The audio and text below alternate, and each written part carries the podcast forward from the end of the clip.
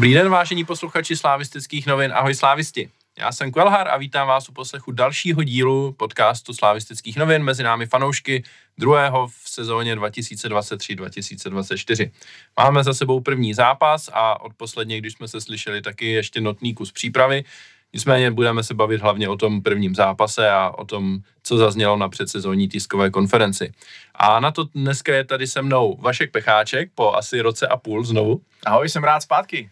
Eh, Vašek eh, je člověk, který působí v mnoha podcastech, můžete ho znát z fotbalového prostředí, z podcastu Contrapressing, z nefotbalového prostředí, eh, uděláme reklamu, protože se mi to taky líbí a poslouchám to v podcast tam a zase zpátky mm-hmm.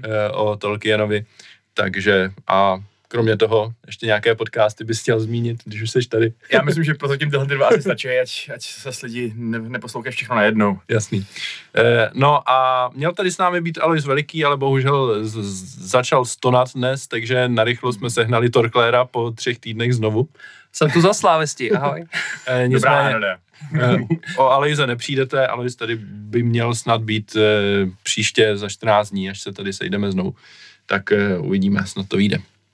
No a pojďme se pustit eh, do diskuse rovnou o prvním zápase eh, v této sezóně. Soutěžním Slávia porazila Hradec Králové 2-0. Eh, chtělo by se říct povinná výhra, ale po posledních zápasech s Hradcem Králové asi můžeme být rádi za to, že to dopadlo na tři body. Tak začnu tak nějak obligátně, jestli se vám to líbilo, co jste viděli v sobotu a jestli si myslíte, že takhle to bude fungovat i dál. Vašku. Většina se mi toho hodně líbila. Já jsem byl před sezónou strašně natěšený na to, že uvidíme konečně v ostrém provozu zajetou tu novou formaci. A říkal jsem si, že to má potenciál být zábavný fotbal. A v některých fázích toho zápasu jsme viděli, že to zábavný fotbal skutečně byl a efektivní fotbal. A v nějakých to fungovalo míň, ale jsem ochoten to přehlédnout kvůli tomu, co bylo dobrý. Dobře, Torklére. Jo, já byl asi víceméně taky spokojený. Jo. Můžeme se pak bavit o nějakých jako pasážích, kdy to bylo slabší a proč to třeba bylo, ale jako celek eh, přece jenom Hradec přijel hrát úplně to samý, čím nás připravil nejspíš o titul, takže zaparkoval autobus a já jsem byl velmi rád, že jsme ten autobus eh, rozbili už ve čtvrtý minutě. No. Pak se nám hrálo líp. No, nabízí se otázka právě, když už jsme teda dali ten gol ve čtvrtý minutě, tak jestli to třeba nemohlo skončit víc. Z minulý sezóny z domácích zápasů jsme byli zvyklí, že když se nám podařilo brzo dát gol, takže to pak bylo dobrý třeba a nasázeli jsme kolikrát těch gólů 4, 5, 6 třeba. Tentokrát to skončilo 2-0, bylo tam mm, do doby, než padl ten druhý gol, tak eh, to trvalo dost dlouho a byly tam takový menší nervíky, nebo nevím jak vy, já jsem teda rozhodně měl. Také. E, mm-hmm. Takže e, tohle asi by bylo potřeba ještě zlepšit. E, jako jo, na druhou stranu fotbal je samozřejmě sport o pravděpodobnostech. A mně přišlo, že těch šancí bylo tolik, zvlášť ke konci toho druhého poločasu, kde to bylo, že Hradec už vyloženě nestíhá, že zkrátka dobře v jiném zápase to tam prostě holeš pošle, nebo tam padne nějaká ta jiná šance a bude to 2 v poločase a oni se ani nezvednou a nebude tam ten jejich, to jejich zepětí a vysoký pressing eh, z začátku druhého poločasu. Takže myslím, že jsme nebyli tak daleko od ideálního výkonu, přesně jak to říkal Trpišovský, eh, s tím, že jako obvykle by bylo fajn, kdybychom potřebovali na gol něco méně než XG3, ale prostě tak to s námi bohužel je, takže No tentokrát myslím, že to XG bylo kolem třech nakonec eh, a dali jsme z toho dva góly, tak to jako, s tím asi můžeme být relativně spokojení. Eh, velký posun dopředu je, že soupeř, eh, ať už měl XG jakékoliv, tak nedal gól tentokrát. V minulé sezóně to častokrát bylo opačně, že měl XG skoro nula, ale góly dával. Takže uvidíme, jestli tohle, tohle zůstane jeden z důvodů, proč se tady scházíme dneska, je taky v to, že jsme v dobré náladě a nehodlal jsem riskovat, že po venkovním zápase už ta dobrá nálada úplně nebude zase.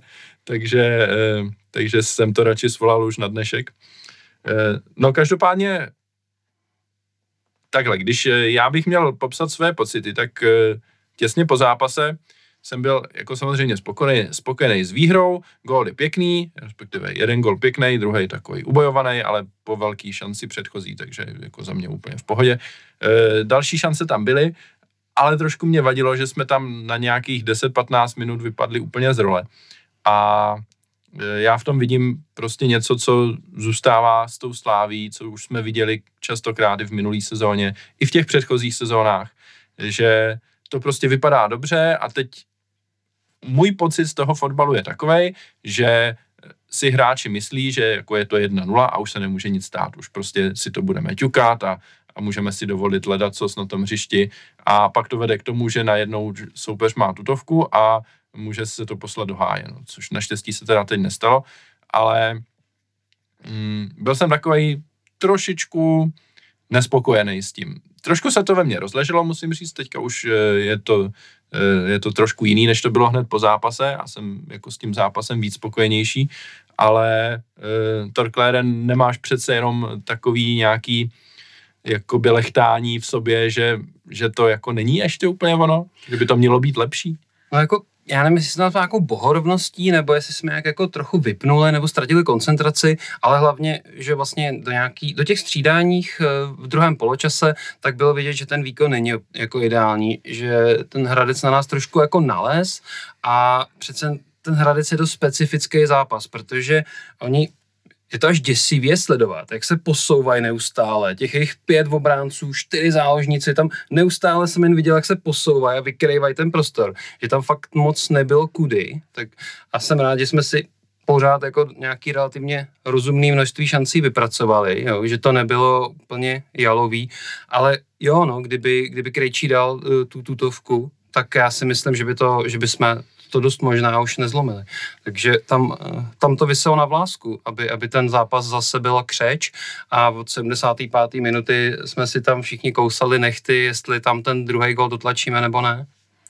Od 55. Eh, ne, nebo tak nějak, ne, no. 75. Já to, myslel spíš, já to myslel spíš obecně, jako že minulou sezónu jsme vždycky od 75. když byl nějaký negativní průběh, tak jsme vlastně hodně vypadli z role a nedokázali jsme, hmm. že o to zlomit. Jasně no. Eh, v tom prvním poločase, eh, jak jsem říkal, dali jsme rychlej gól a vypadalo to dobře, eh, ale takhle, soupeř neměl nic, s tím já jsem jako naprosto spokojený. Pořád bych čekal, že my si toho vytvoříme ještě víc. Jasně, byl tam neuznaný gól, byla tam tutovka, tutovka Holeše, kterou si myslím, že musí prostě proměňovat, když dostane takhle nalitý balon krásně proti noze. Eh, byly tam pár dalších, eh, dalších náznaků, průnik vlčka do vápna a tedy. Ale stejně já budu za takovýho škarohlída, nemělo by toho být ještě víc. No, jak říkal takhle, prostě tak uh, není to úplně úplná sranda, sranda hrát proti takhle konsolidované obraně. Ono vlastně paradoxně teda nebyla sranda proti ním hrát ani ve chvíli, kdy se rozhodl vytáhnout a vysunuli ten pres, že jo, to jsme přesně měli tu, tu špatnou fázi. Uh, ale za mě mít, dejme tomu, dvě tři velké šance a k tomu dvě, tři pološance za poločas proti takovému soupeři, který ho historicky neumíme, eh, vlastně i v té nové formaci, která taky jsem prostě, když jsem se na to díval, tak jsem si říkal, jako jo, bude to, bude to zajímavý, bude to hezká sezóna, si myslím, se spoustou jako takového plynulého proměňování hráčů na různých pozicích, což mám hrozně rád, ale já počítám s tím, že se to ještě prostě bude pilovat. A za to, za, za té konstelace jsem o to vděčnější, že ten poločas proběhl, jak proběhl a myslím, že byl fakt dobrý, že ta druhá, poločas, že to, že ta druhá půle uh, nad ní pro mě vysí vlastně daleko větší otazník. No, hmm. Uh, no v té druhé půli bylo těch špatných zhruba 15 minut, myslím, že v 62. nebo tak, tam přišli Provod, Linger a Chytil a od té doby to vlastně vypadalo zase dobře. Uh, musím říct, že aspoň já osobně jsem byl hodně příjemně překvapený z Chytila, protože hmm. v té přípravě mě úplně nepřesvědčil, že, že by to bylo až takový terno, ale teďka vypadal skvěle a ukázal přesně to, co jsme v tu danou chvíli potřebovali. Jo, když šel míč dopředu, on to udržel, zapřel se zádama, úplně jsem tam viděl prostě eh, takovou typologii, kterou žádný z těch našich hráčů jako nemá, mi přijde, jo? nebo pokud někdo, tak možná Standa Tecel, ale taky si myslím, že ten je ještě trošku jiný hráč a já bych to opravdu nerad srovnával, ale vím, že, nebo pamatuju si, že tímhle stylem hrál za Bčko Marek Červenka kdysi dávno. On byl skvělý zády k bráně a připomínal bráchu, který takhle prostě hokejista si to obstaví ten puk a nepustí za ním nikoho. A pak měl samozřejmě problém, že když se má otočit s tím balonem k bráně, tak už to šlo totálně do háje, což naštěstí chytil nemá, ukázal to tam v jednou krásné akci, kdy si takhle tělem odstavil obránce, pak udělal prostě rychlej pohyb a najednou byl v tutovce. Střílel bodlem teda mimo, ale, hmm. ale jako bylo to fakt skvělý a takovouhle akci mi přijde, že jako jsme nebyli schopni udělat dřív a teďka najednou s chytilem to máme. Což jo. mi přijde super. On to strašně pomáhá nejenom v té vyloženě ofenzivní fázi, že prostě pořád mluvíme o tom, jak potřebujeme útočníka, co je kladě do vápna a tak dále, což jasně beru, že soubojové útočníky je i super věc, zvlášť do nějakých fází zápasů, ale i v té meziře to je úplně neocenitelný. To, že to můžeš si dovolit dát prostě na relativně izolovaného hráče, on se s tím poradí a nestratí to během tří vteřin a nemáš to zpátky na soupeřových kopačkách, je prostě fakt skvělá vlastnost a myslím, že to bude, jestli to bude potvrzovat tuto tu schopnost i proti třeba silnějším soupeřům chytil, tak to může být uh, výborný kauf. Mm. Jo, jednoznačně, je to, je to faktor, který jsme fakt v tom kádru doteďka neměli. On už to velmi dobře předváděl proti Drážděnům a jsem docela rád, že i teďka v tom relativně krátkém úseku, tak, tak zase jako, já, já bych řekl, že jako se mu to hodně povedlo. Takže asi nečekám hned změny v sestavě, ale, ale bylo to něco, co nám do té doby chybělo v tom utkání. Hmm. Eh, tak když půjdeme teďka po jednotlivý, jednotlivých hráčích, tak samozřejmě nemůžeme začít u, niky, u někoho jiného než u Tomáše Vlčka. Jednak to byl jeho první soutěžní zápas za Slávy, minimálně po návratu, možná, že předtím někdy nastoupil, což eh, jsem nekontroloval, ale teď po návratu z první zápas v základní sestavě, čtvrtá minuta a co si budeme říkat, nejlepší nahrávka zápasu asi. a jako geniální pas vyloženě na štrance a pak e, skvělý řešení a branka Fan Burena. E, nicméně u Tomáše Vlčka samozřejmě já vidím všechny ty skvělý jako ofenzivní předpoklady, který najednou prostě z ničeho nic tam máme a vím, že ostatní stopeři jsou taky jako naši poměrně kreativní, ale takovýhle přihrávky podle mě nedává ani Ajham, ani Taras Kačerava, a podle mě ani Tomáš Holeš teda úplně takovýhle, takovýhle přihrávky nedává.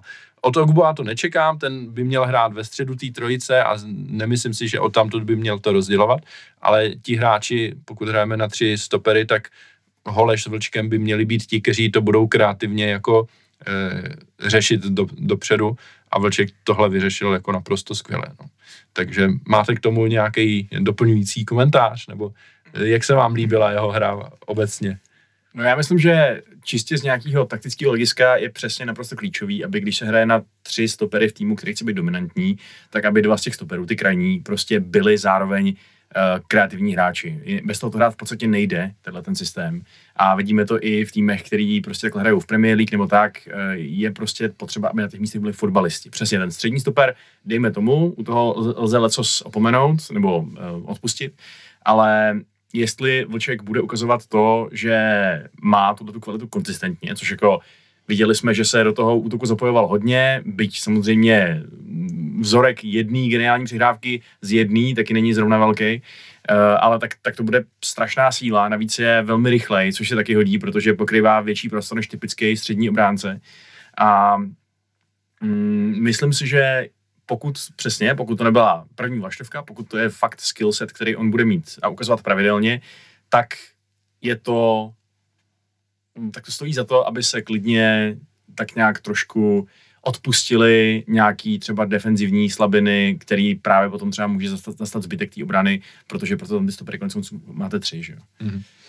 Co se týče defenzivních slabin, tak si mě trošku nahrál, protože u té velké šance soupeře eh, tam asi mohlo zasáhnout více hráčů, ale já tam vidím jako největší chybu právě Vlčka, který se na ten balon koukal a místo, aby k němu teda běžel, tak se na něho opravdu jenom koukal a, eh, a za ním vyplaval kryčí a měl, měl tutovku na noze, takže eh, tohle asi, byť se říkalo, že to byl jako Oscarův hráč a že možná Oscar s ním měl jít.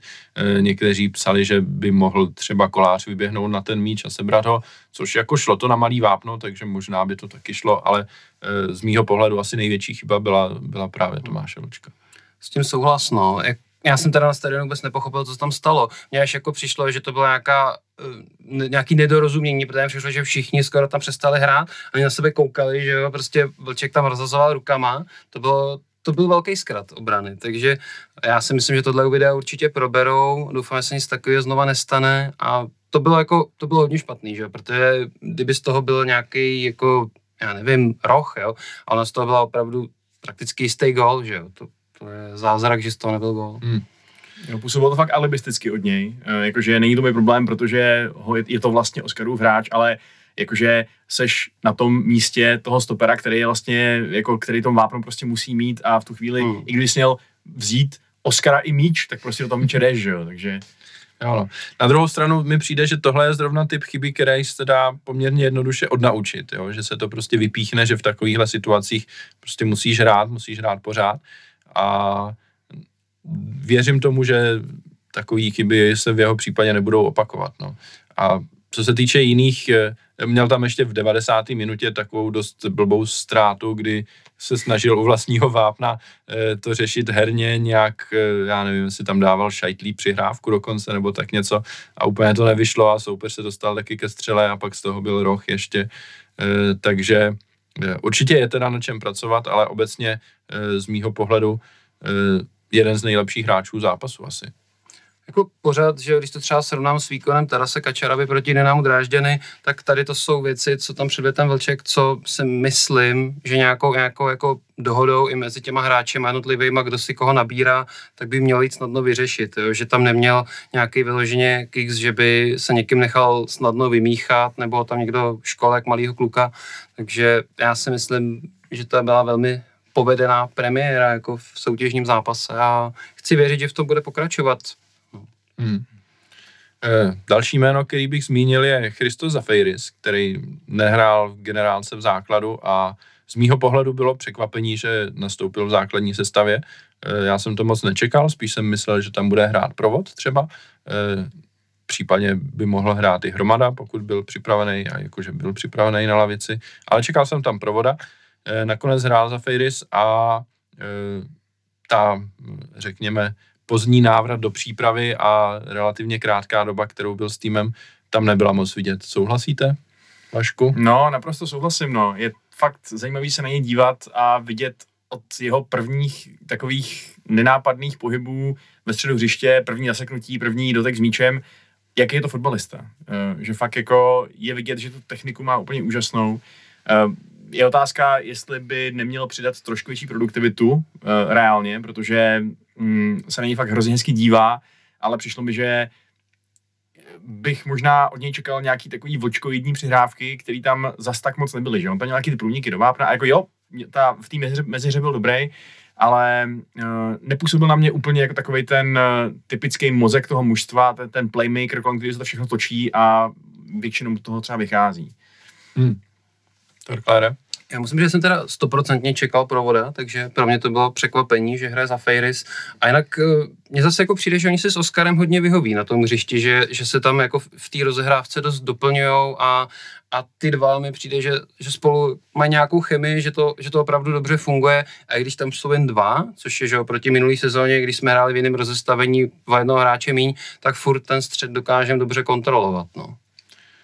No, tam je hodně zajímavý, že jo, konec konců to bylo vidět i u toho gólu, ale tak dobře, to byla situace po rohu, ale byly tam další akce, kdy eh, v tom středu byl Šranc, hmm. který jako původně měl hrát levýho wingbacka. Přišlo mi, že větší část za, zápasu, nebo možná tak polovinu času, hrál jednoho z těch útočníků s tím, že na tom wingbacku byl Jurásek.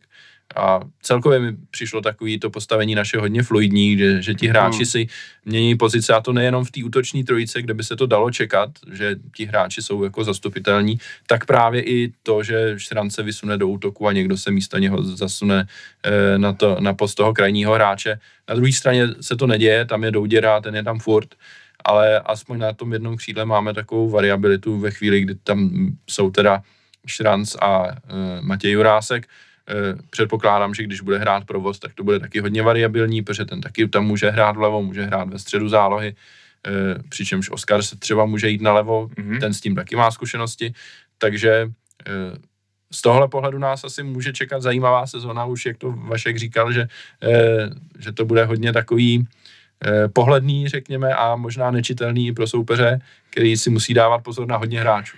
Je to tak, jako z fanouškovského hlediska, já jsem, prosím vás, veterán fanchálovských let v Manchester United, kde to byl ten nejpředvídatelnější fotbal všech dob. Prostě. To bylo jak, jako, jak stroj. Hráči vždycky na stejných místech, vždycky na stejných pozicích. Byla to nuda prostě. To, že někdo dokáže udělat opravdu fluidní formaci, to, že ty jako fanoušek nikdy nevíš, kdo se to na tom hrotu objeví a kdo mu to tam bude centrovat a jednou tam nahrá Vlček, po druhý přesně jako se uh, Jurečka stahuje na střední zálohu v podstatě a přebírá tam míč v, pozici nějakého prostě ofenzivního záložníka to je něco, co mě baví sledovat a snažit se prostě během toho nějak jako laicky identifikovat, co se vlastně děje a co, jako, jaký je ten zatím trenerský záměr a tak. Uh, plus, jak jsi říkal, to je efektivní podle mě i, i herně vzhledem k soupeři, protože zkuste si hrát nějakou osobku tuhle chvíli třeba, zkuste si někomu říct, jo, tak ty máš prostě tohle hráče, když ten hráč může hrát úplně kdekoliv 10 minut a jinde další 10 minut, jo, takže to je paráda. Hmm. No je to tak, je třeba vlastně u toho prvního gólu, tak já jsem si byl skoro jistý, že nahrával Douděra, protože já tam daleko, že jo, přes celý, přes celý hřiště to tam mám a pak vlastně koukám a on to byl šránce, jo, kterýho bych tam jako vůbec nečekal na základě toho rozestavení, hmm. jo, takže, takže i to vlastně ukazuje, jak moc ten náš systém je variabilní. Eh, když se takhle bavíme o Štrancovi, který má samozřejmě golovou asistenci, tak eh, eh, hodně se v, po přestupním nebo v přestupním období a v souvislosti s přestupem Davida Juráska do Benfiky psalo o tom, jestli máme zánět někoho na post jako vyloženě levýho křídelního hráče nebo levýho krajního beka. E, my jsme nikoho takového nepřivedli. E, trenér, nebo myslím, že to byl trenér, kdo říkal na tiskovce, že e, jako mají vyhlédnutý nějaký hra, teda jednoho hráče přesně řečeno, ale ten vypadá, že je nedostupný, takže nejspíš asi nikdo nepřijde, nepřijde a že to budeme řešit z vlastních zdrojů.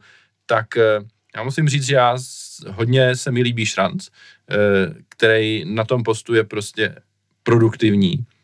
Přijde mi, že jako dává hodně branek, má asistence, je nebezpečný směrem dopředu, což je super.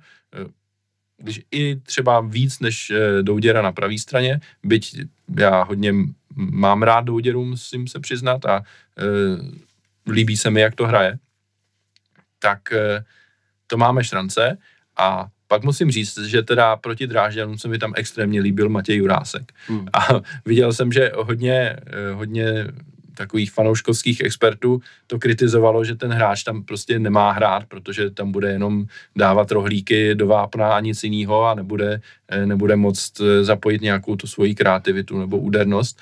Ale přijde mi naopak, že, že ten post by ho mohl dát dohromady ty jeho opravdu silné stránky, rychlost a i nějakou techniku, kde se tam může prosadit třeba jeden na jednoho a připravovat šance a konec konců může se z toho postu dostávat do zakončení přesně jako to ukazuje Šránc. Konec konců Douděra taky dal jako z druhého křídla poměrně e, nemalý počet gólů v minulý sezóně. Hmm. Takže e, vezmeme tyhle dva hráče, pak tam máme teda provoda, který ho tam asi chce vidět trenér, e, což je asi zase trošku jiná typologie, takže když vezmeme tohle dohromady, myslíte si, že ten post máme dostatečně pokrytý na to, abych, abychom mohli být eh, efektivní a zároveň být připravení na různý typy zápasů? Myslím, že jo. Konec konců i ten Oscar, byť chápu, že je s ním počítáno na střední zálohu z dobrých důvodů, protože, jak tady už padlo Torklera, tak eh, ta kombinace se Zafirisem je fakt velmi chutná, jako fakt ta jejich technika eh, přesně ve dvou lidech přehrát početnější zálohu je, je za kumšt. Uh, ale přesně, kdyby přišla krize, no, tak, uh, tak může jít Oscar nalevo, může jít hromada do středu nebo prostě kdokoliv pravod, že jo, pokud se ukáže, že na levém beku nebo na levém wingbacku uh, nebo záložníkovi, nebo co to vlastně je za hybridní pozici, že jo, tak to není úplně pro něj, takže jo, já bych řekl, že v tomhle takovým proměnlivým systému to zvládneme zalepit. Já musím, že jsem teda výrazně klidnější než třeba v dobách, kdy pravýho beka u nás hrál Ekvaj, Přijde mi, že to máme...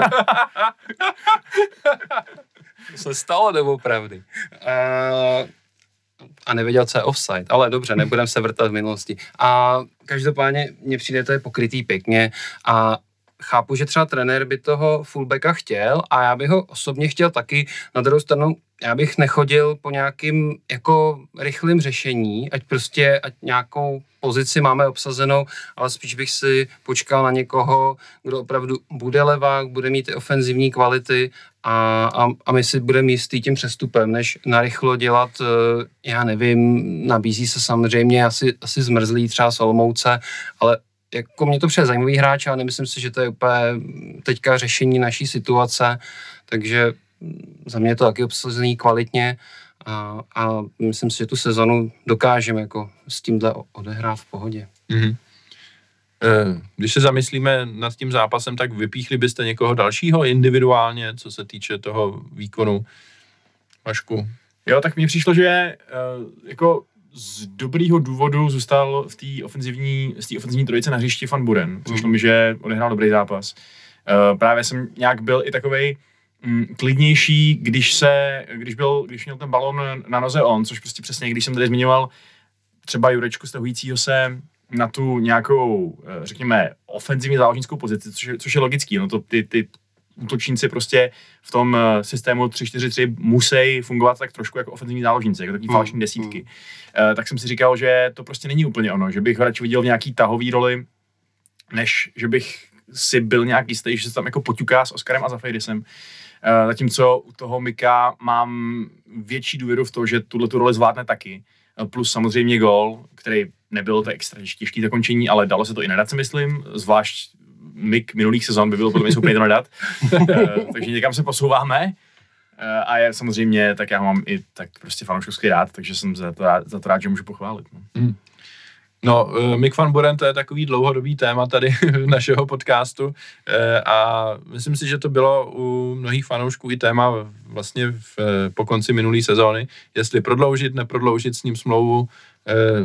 Já musím říct, že jsem byl na vážkách a spíš jsem se přiklánil k tomu, Eh, že by bylo lepší se s ním rozloučit a podepsat více do nových útočníků.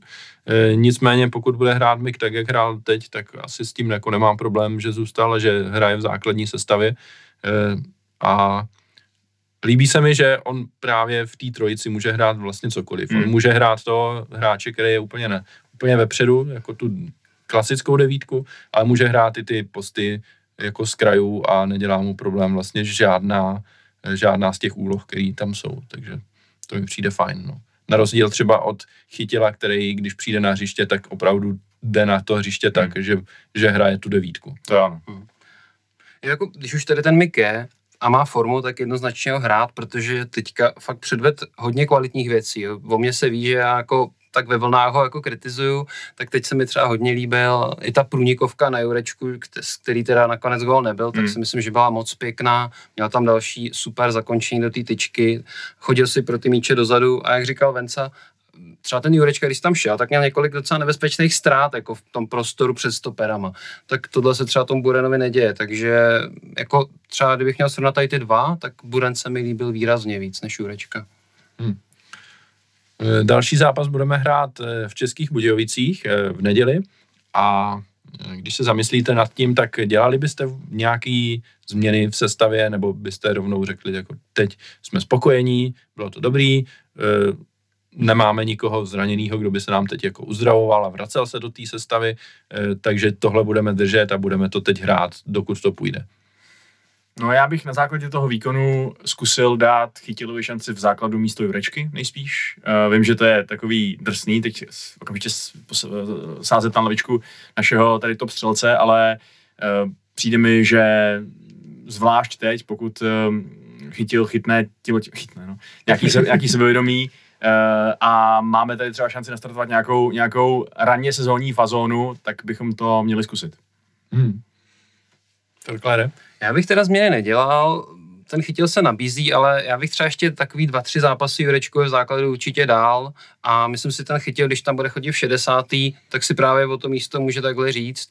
Já se trošku bojím, aby tam trenéři nechtěli jako zakomponovávat uh, ty navrátilce ze zraněních, takže třeba Ševčíka nebo s Masopustem, který se mi teda ani jeden moc nelíbili během toho střídání a, a myslím si, že spíš to, co funguje, jak by se nemělo měnit. No. Hmm. Eh, no, je jasný, že jakmile udělá trenér nějakou změnu, tak mu to hned omlátí o hlavu, že zase rotuje. Eh, to je jako úplně jasný.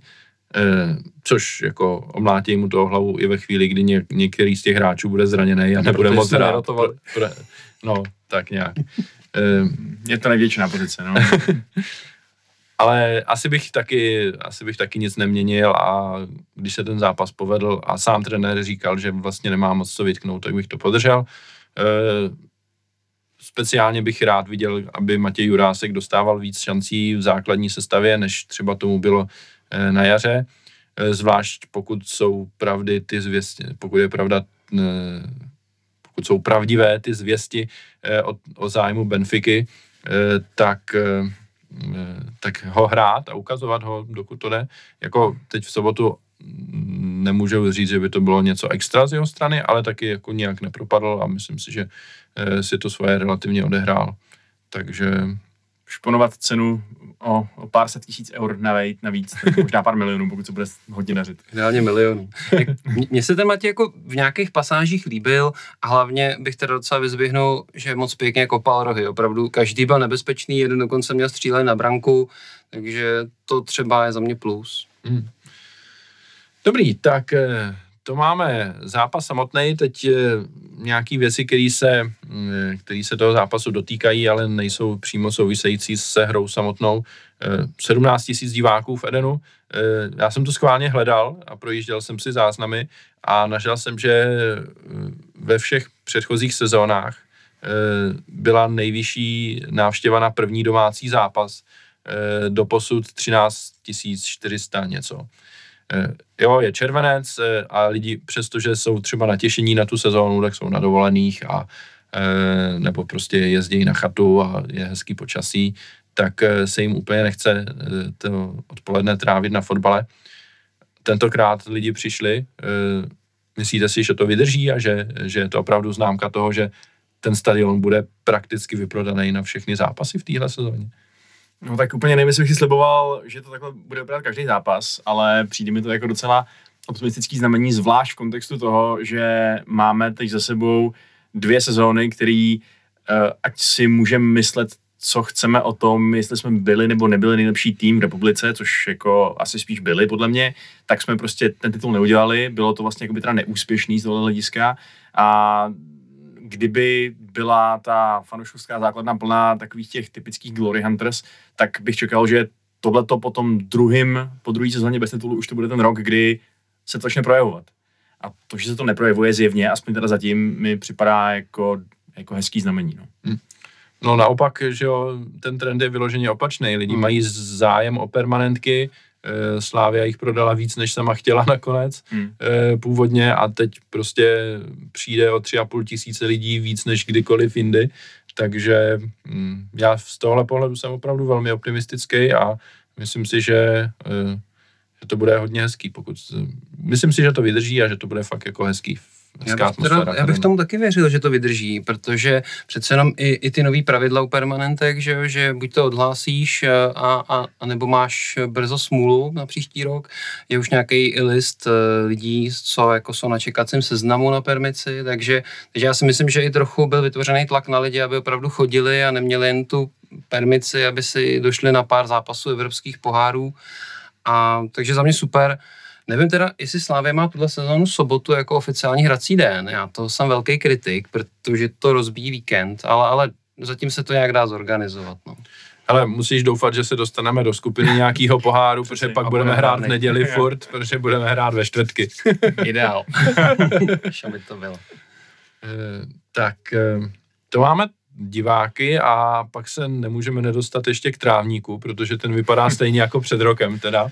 A přestože e, nám e, jako, nebo jdou ze Slávě hlasy, že tentokrát to nebude taková hrůza jako loni a že trávník nakonec zakoření a, a bude to dobrý, tak e, já musím říct, že byť tomu nerozumím, tak jsem trošku skeptický teda k tomu, jak jsem to viděl a vypadalo to fakt jako úplně stejně jako před rokem, jo. Ta, ta, ta tráva se chová fakt stejně, tak moc nevěřím tomu, že to pak jako bude lepší, no. Co vy na to? Je fakt hrozný, že my musíme hrát na oraništích prostě v, v půlce výjezdu do zbytku uh, republiky a ještě si děláme oraniště z našeho vlastního stadionu, že to je to přesně to, co nepotřebujeme pro ten náš styl hry, že to je... Hmm. Eh, to jako za Fejris, když tam tancuje mezi drnama, tak to prostě není úplně ideální.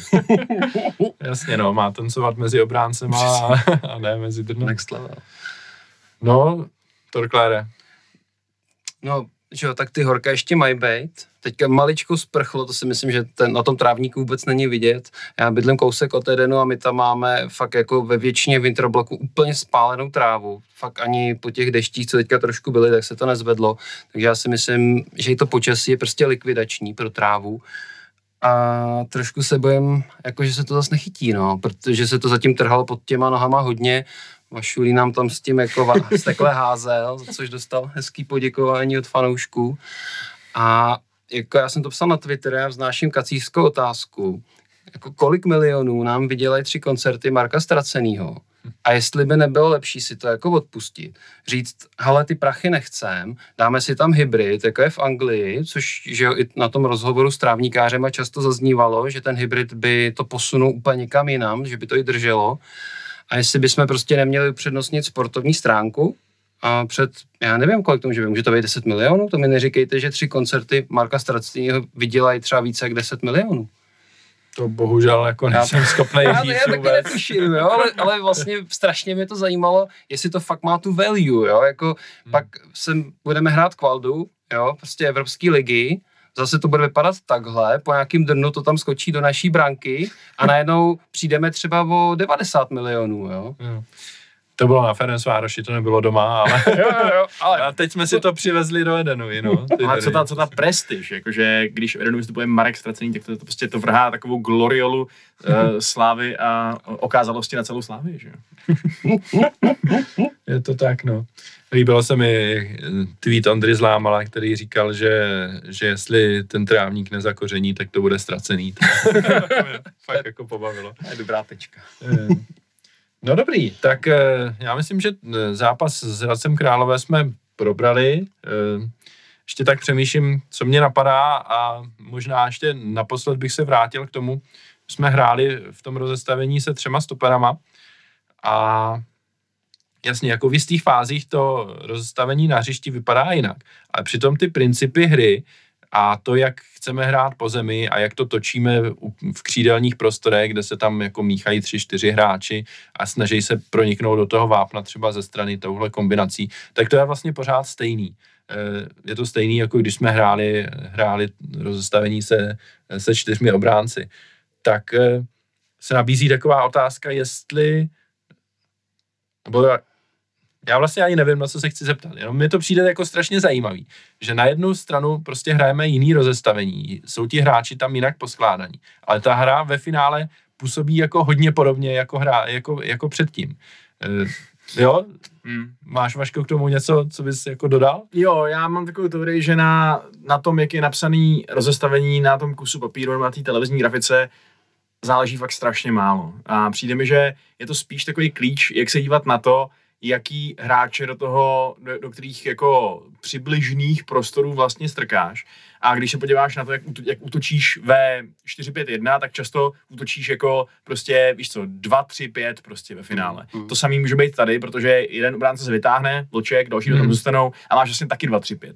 A je to možná spíš o tom, že eh, když hraješ přesně 4 5-1 nebo 4-1-1, tak tam vlastně máš to dedikované místo pro tu typickou desítku, která tady vyplňuje tady ten nějaký konkrétní prostor. A když to nemáš, když hraješ 3-4-3, tak se ti na tenhle ten prostor, který musí někdo obsadit, protože tam prostě nemůže být, jakože nemůže ti nikdo hrát mezi, nikdo nehrát mezi liniema, tak se tam prostě stáhne hráč, který je nominálně napsaný někde jinde a třeba nemá ten skillset tak typický pro tu pozici, že jo. Eh, Protože jako nikdo dneska v moderním fotbale není hráč na jednu jedinou pozici, kromě stoperů a brankářů, že jo? nebo možná jako nějakých těch typických útočníků, ale ani to spíš ne. Taky máš útočníky, kteří jsou spíš takový polokřídla a jako jsou schopní hrát víc z kraje, útočníky, kteří jsou víc falešná devítka a stahují se víc do, do, nitr- do, prostě do středu hřiště. A musíš od těch hráčů chtít, aby byl univerzální prostě. A to platí i o tom, jak se, eh, jak fungují ty formace. No, mně se právě z, to, z tohohle pohledu strašně líbilo, že Vlček, ač stoper, tak se dostal, já nevím, minimálně dvakrát za první poločas vyloženě do vápna hmm. s Hmm. tím, že tam prostě eh, jednou tam hledal neúspěšně jako přízemní přihrávkou někoho a obránce to odkopl a po druhý teď nevím, jak dopadla ta druhá akce, ale mám pocit, že minimálně ještě jednu takovou podobnou tam měl, kdy tam dostal nějakou zajímavou přihrávku takhle, eh, takže přijde mi to jako fakt super, no. A že ten Vlček má fakt i zajímavý, eh, zajímavý kvality na to, aby tam byl prospěšný, jo? že to není, není takový typ stopera, který e, jako je dobrý dozadu, ale když se dostane do takovéhle situace, tak vlastně neví, co s tím míčem. Já si takhle vzpomínám na Davida Zimu, který jako hodně rád to vyvážel, ale, ale pak jako nevěděl, co s tím, jo. Jako, že to bylo strašně super, že on vidí ten prostor před sebou a vidí, že tam může vyběhnout, tak tam vyběhne, posune tu hru, je to skvělý, ale pak vlastně dojde do toho prostoru a neví, co dál. Je to tak, jo, takže v tomhle mi přijde Vlček ještě daleko lepší. Ale kdyby, kdyby se ukázalo, že třeba vypadne, nebo že, nebo že na to prostě třeba v nějakých hodech nebude mít, je mladý, může být hmm. nekonzistentní a tak dále, tak uh, máme vlastně někoho, kdo by tuhle tu pozici jedna ku jedný zastal a mohl v tom taktickém systému dělat přesně to, co jsme teď viděli, jakože Taras nebo, nebo Holeš, kdybychom přesunuli ze strany na stranu? Asi jo, no, si tam dáš toho Holeše a přidáš tam k ním Ajhama, doufám.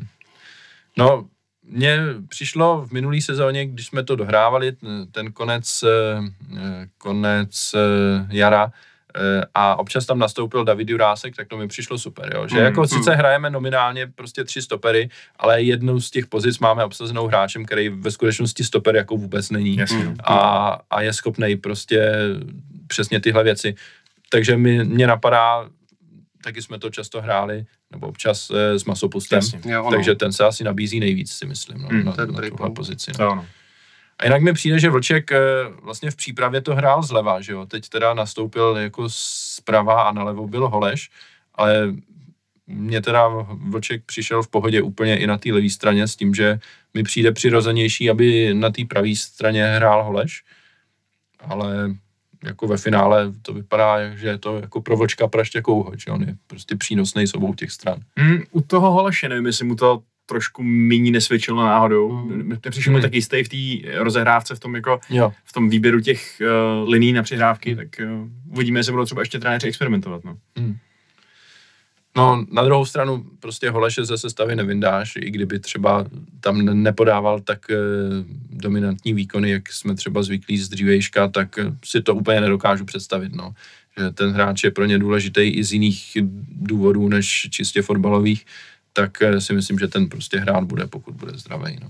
Jo, jenom otázka je, jestli zprava nebo zleva, no. Mm, jasně. Dobrý, tak tím si myslím, že už to můžeme definitivně ukončit, dáme si předěl a dostaneme se ještě o kousek, o jeden den do minulosti dále.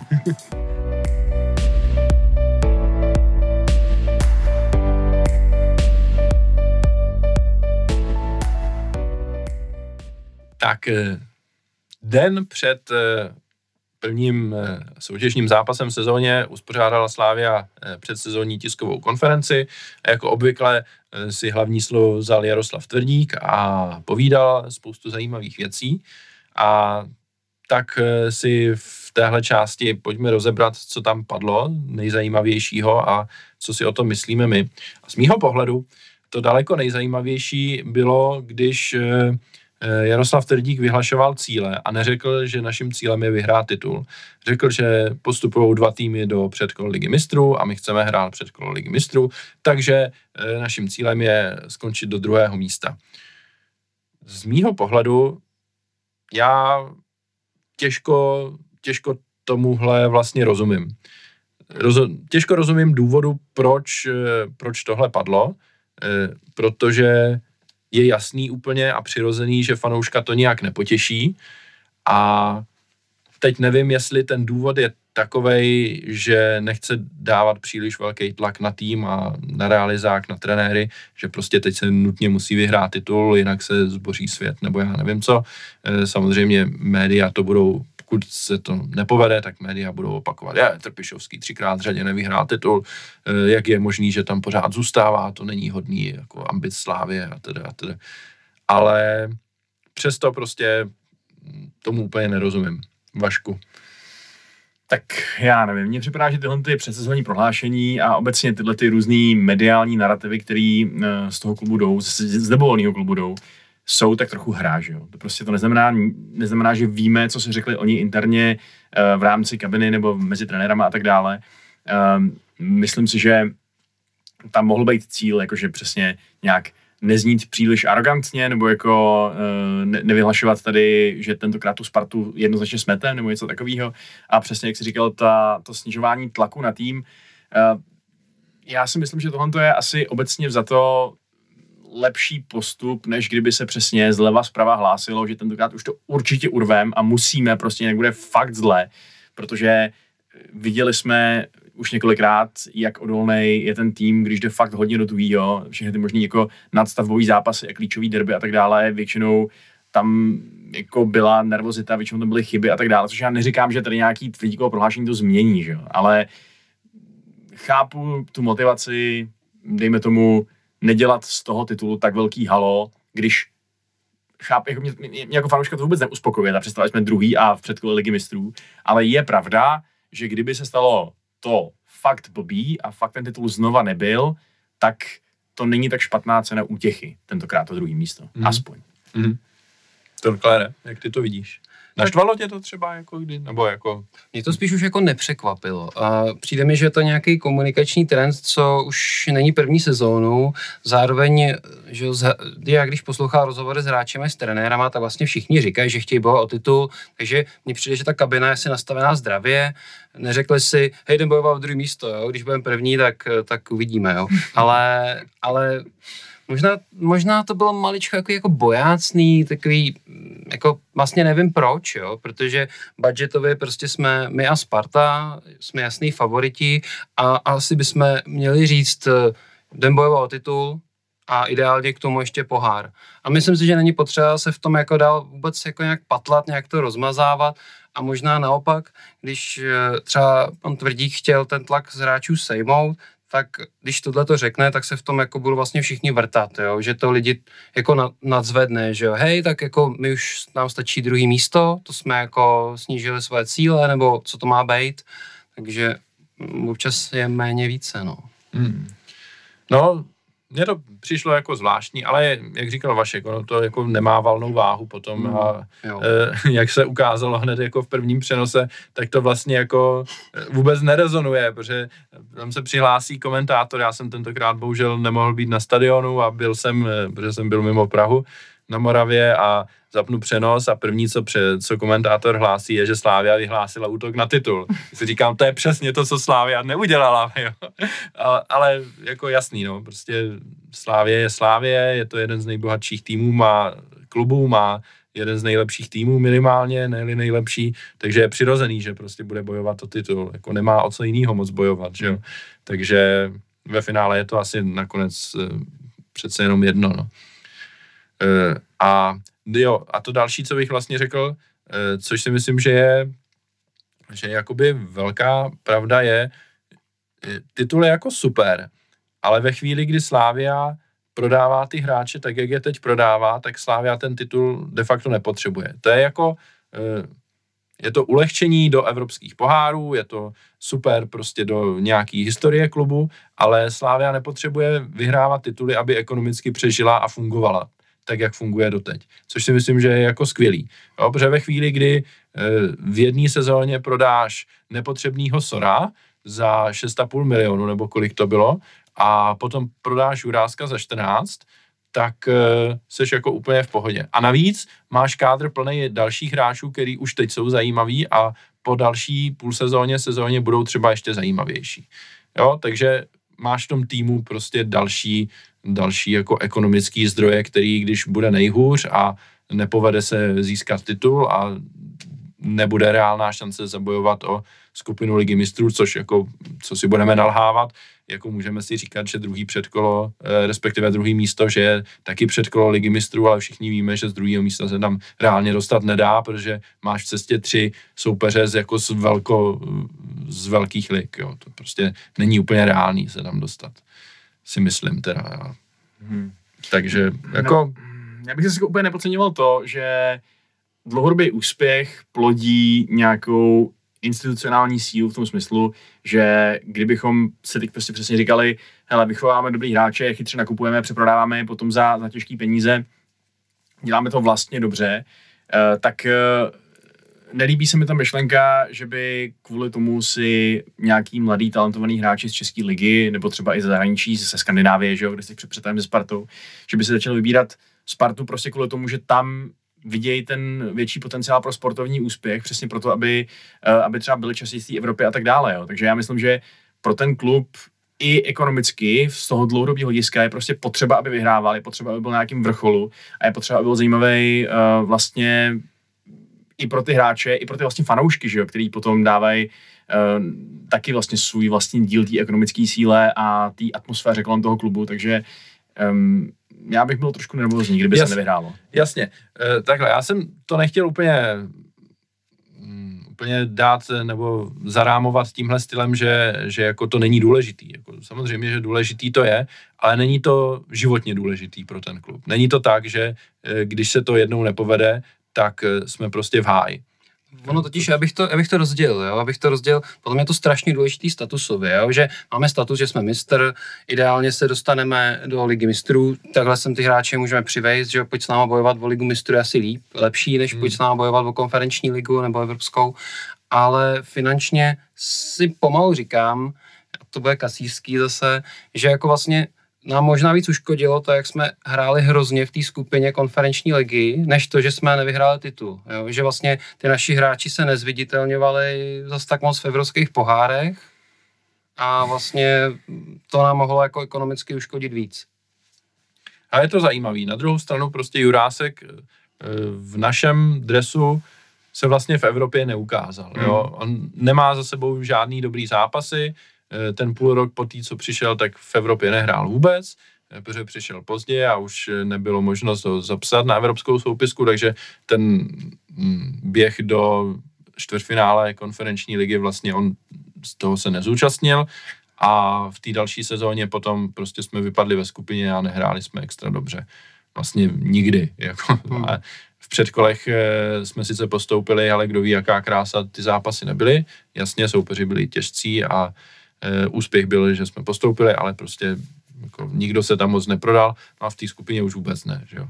Ale stejně prostě ho prodá třeba jeden start za reprezentaci, kde je nejlepší na hřišti, nebo jeden z nejlepších na hřišti. A otázka je, jestli teda to byla ta repre, anebo, a to si myslím, že je pravděpodobnější, že prostě už ten svět těch úspěšných klubů ovládla datová analýza. Hmm. A oni se možná nedívají vůbec na repre, nedívají se na poháry, tam třeba se dívají, když tam vylítne nějaký šílenec typu SOR, co prostě tam všechny přestřílí a, a zničí. Ale ten David Jurásek bych řekl, že vypadal tak výborně datově, že oni se ani to nemuseli třeba takhle moc validovat těma evropskýma zápasama, ale už šli jako najisto na základě hmm. těch dát. Taky bych řekl. Hmm. Jasně no, to je vůbec zajímavý. A na druhou stranu zase pomůže, že máme nějakou historii prodejů, samozřejmě přímo do Benfiky, ale obecně i do jiných, do jiných klubů a ti hráči se ve skrze za to hmm. jako prosadili, že jo. Souček, Coufal, do jisté míry i král, byť ten mm. jako nemá za sebou úplně zářnou kariéru, ale vlastně se drží pořád jako v top 5 ligách a teďka mm. přestoupil do týmu, který bude hrát ligu mistrů, což mm. mi přijde tak jako trošku šokující, až možná vzhledem k jeho výkonům v reprezentaci, ale nakonec jako proč ne, já si určitě stěžovat nebudu a samozřejmě Bach jako je úplně prostě skvělý příklad. Mm. No dobře, takže to máme nějakou ekonomiku klubu. Co se týče evropských ambicí, tak tam samozřejmě chceme postoupit do skupiny, nejlépe do skupiny Evropské ligy. A e, tam asi nic jiného moc říct nešlo. I když jsem teda zaznamenal, že taky lepší a nějakým, nějakému statusu slávě víc odpovídající by bylo, že chceme postoupit ze skupiny do jarní části, teda, že nám nestačí jenom postoupit do skupiny a pak už jako je nám to fuk, ale že ať už budeme hrát skupinu Evropské ligy, ze který postupují tři týmy, anebo Evropské konferenční ligy, ze který postupují dva týmy, tak prostě chceme postoupit do jara.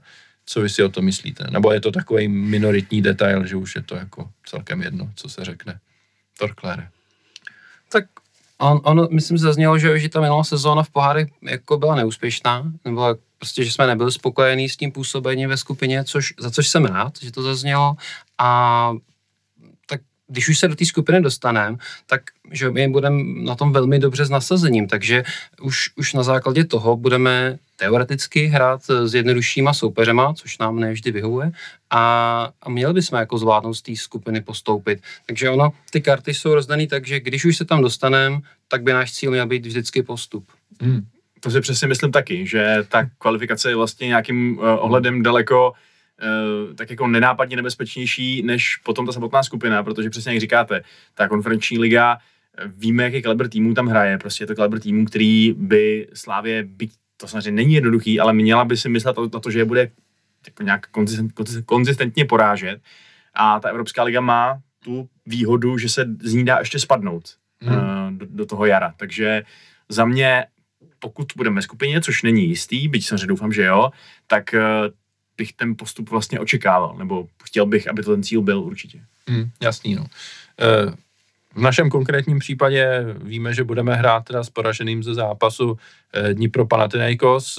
Dneska proběhl los, který jenom určil, že první zápas hrajeme doma, tak si to rovnou pojďme probrat asi samozřejmě nikdo z nás to nebude považovat za výhodu, že začínáme doma, předpokládám, hmm. Vašku. To ne, no. Ale takhle, co, co od toho čekáš? Od toho zápasu? Bojíš se, že budeme hrát znovu s Panathinaikosem? Uh, jo, já upřímně řečeno nesnáším kvalifikace do evropských pohárů. Přijde mi, že to je prostě vždycky strašně nabitý nervama od, kvůli tomu jak ohrozně moc jde. To, je prostě, to jsou tak strašně důležitý zápasy. Přicházejí na začátku sezóny, kdy ten tým je často ještě takový nerozehraný, kdy se to ještě nějak skládá, se dá si to dohromady. Teď často vidíme, že třeba nějaký posily úplně nefungují a ještě tam ale zároveň není ta vůle je vlastně pustit k vodě a dát, dát, dát na lavičku, takže uh, v této fázi to je prostě mi to připadá, jak když vám řeknou, ať se v 18 rozhodnete, na jakou vejšku půjdete a pak se to s vámi prostě potáhne celý život. Jako. Hmm. To je prostě, jak může být něco tak důležitého takhle brzo. To je... jo, no. No, bohužel je to tak, no, pro český kluby je tohle vlastně nejdůležitější fáze sezóny a rozhoduje o mnohem, eh, především teda o finančním příjmu.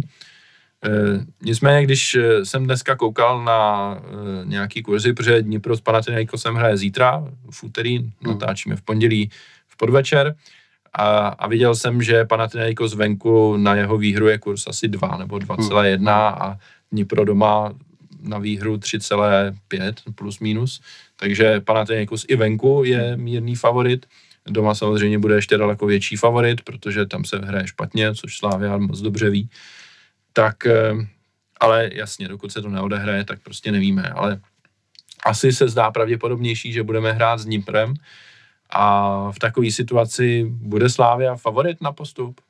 Měli bychom to takhle vidět. Mír, já, bych, já, bych, já bych nás jako mírného favorita viděl, hmm. ale já teda fakt doufám, že ty karty jsou rozdaný tak, že to pana jako zvládne. Fakt mu strašně moc fandím, protože zase ten scénář, ještě, že první zápas doma, pak bychom jeli k těm bláznem do Řecka, jo, tak no, ne, ne, ne. Hmm. Souhlasím. Jo, no, já to vidím úplně stejně. Jako, úplně si neumím představit, že by k nám znovu přijeli a zase do, tady dostali 2-0 a eh, tehdy jsem to považoval za jako výborný výsledek eh, a a stejně jsme se klepali pak mm. jako mhm. o postup a bylo to fakt jako na vlásku. A teď si myslím, že by bylo ještě daleko těžší je, je porazit o dva góly doma a jasně, mohli bychom odehrát lepší zápas venku, ale ten zápas, já na to fakt jako nerad vzpomínám. Tam to hřiště bylo celý divný, tam bylo na jednu stranu vysušený a na, druhý, na druhou stranu tam byly louže. To bylo úplně takový jako strašně divný. A stadion taky prostě lidi s laserovými ukazovátkama, mm. že jo, tak no. To prostě nechceš, no. Daleko lepší je hrát s Dniprem, který hraje navíc v Košicích ty zápasy, mm. eh, takže de facto hraje venku a pak na neutrální půdě. Což by nám tak nevadilo i to, že hrajeme první zápas doma, mm. že, jo? že pak bychom hráli na neutrální půdě, mm. tak je to furt, řekl bych, pohodový. Mm. A do Košic to není zas tak daleko, rozhodně to není no. tak daleko jako do Aten. Takže... Já jsem tam párkrát na služebku a pokud tam jdete vlakem, je to sakra daleko. Ale jede tam přímý vlak z Prahy. 12 hodin jsem tam. Tu cestu znám tím vlakem, je to, je to drsný. Zvlášť, když jo. jste opilí a zvracíte celou dobu na záchodě, to je ještě úplně největší top. Takže... No, každopádně tyhle zkušenosti si dost možná někteří z fanoušků Slávě zopakují. buď zopakují, anebo vytvoří. Já doporučuji letecky teda do Košic. no, takže uvidíme. Já samozřejmě taky budu hodně moc doufat, že budeme hrát právě s Niprem a e, zítra, pokud bude možný ten zápas nějak, někde nějakým sledovat na streamu, tak hmm. asi si to pokusím najít a, a mrknout se na to, ať vím, do čeho jdeme. A samozřejmě věřím, že naši trenéři budou pečlivě sledovat a, nebo maj, budou tam mít skauty a, e, a vymyslejí něco na soupeře. No.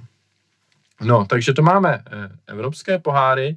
Další informace, co padly na předsezónní tiskové konference, eh, konferenci, eh, Matěj Jurásek s Tomášem Vočkem prodloužili smlouvy, což si myslím, že je skvělá zpráva a jak se ukázalo, oba dva pak hráli v základu, oba dva hráli dobře. Dokonce jsem zaznamenal, což mě zaujalo, dva tweety od fanoušků Slávě stejného vlastně vyznění s tím, že dost možná Vlčka prodáme někdy dráž než Ogbua. Už jako po tom jednom zápase, že prostě má takový skillset, který je možná zajímavější ještě.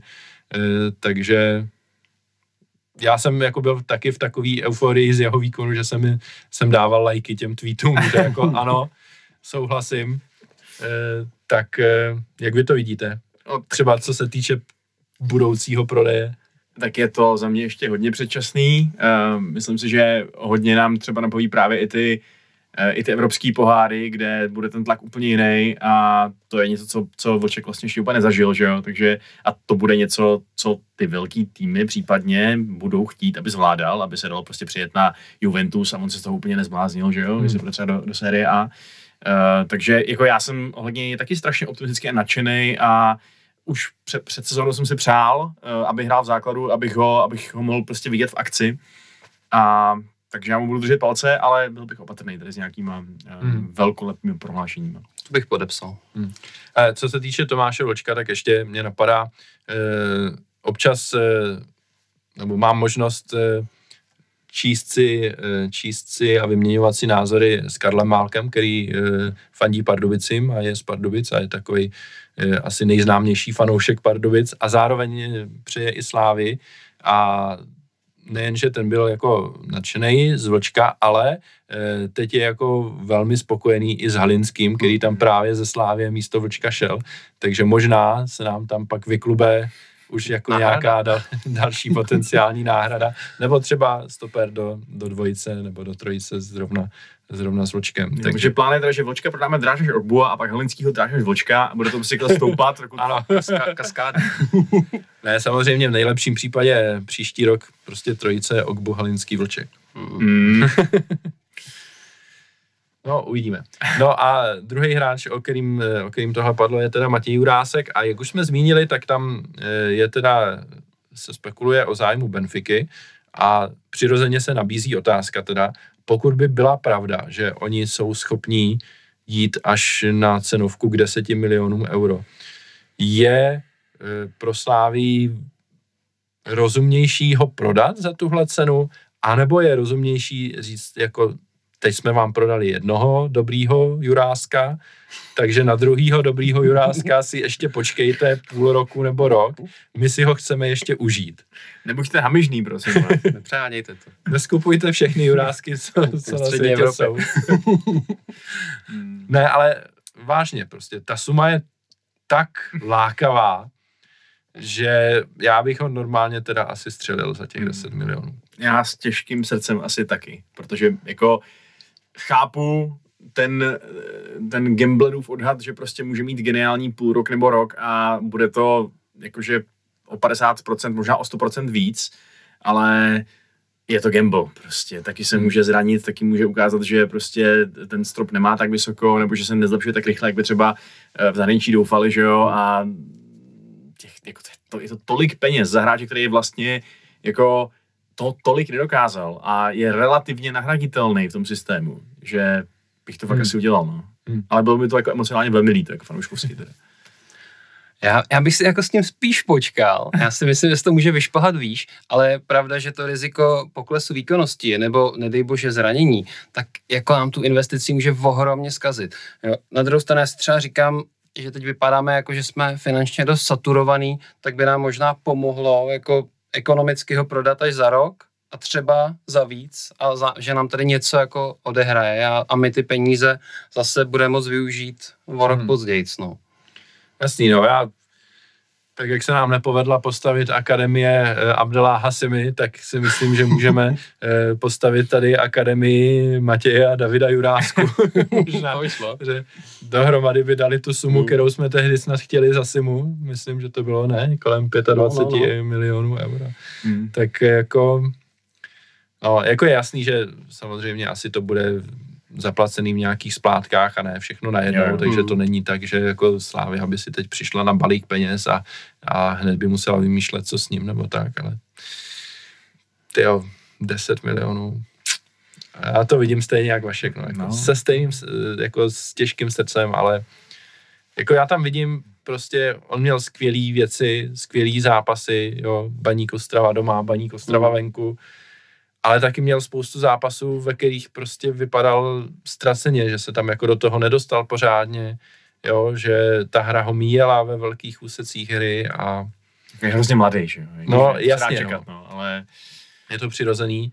Samozřejmě ten talent je tam jako obrovský, to, to jde vidět, že on má prostě zajímavé věci, co umí a až se bude s tímhle prostě zapojovat do té hry častěji a bude chtít ten míč místo toho, aby byl nějak jako na té své pozici, ale moc jako se neukazoval třeba, tak to třeba bude ještě daleko lepší, ale taky to nemusí být lepší, no, Hmm. takže jakože chtěli byste, aby vám na levém wingbacku radši hrál jeden Jurásek nebo pět talentovaných skandinávanů za, za solidní peníze. Prostě.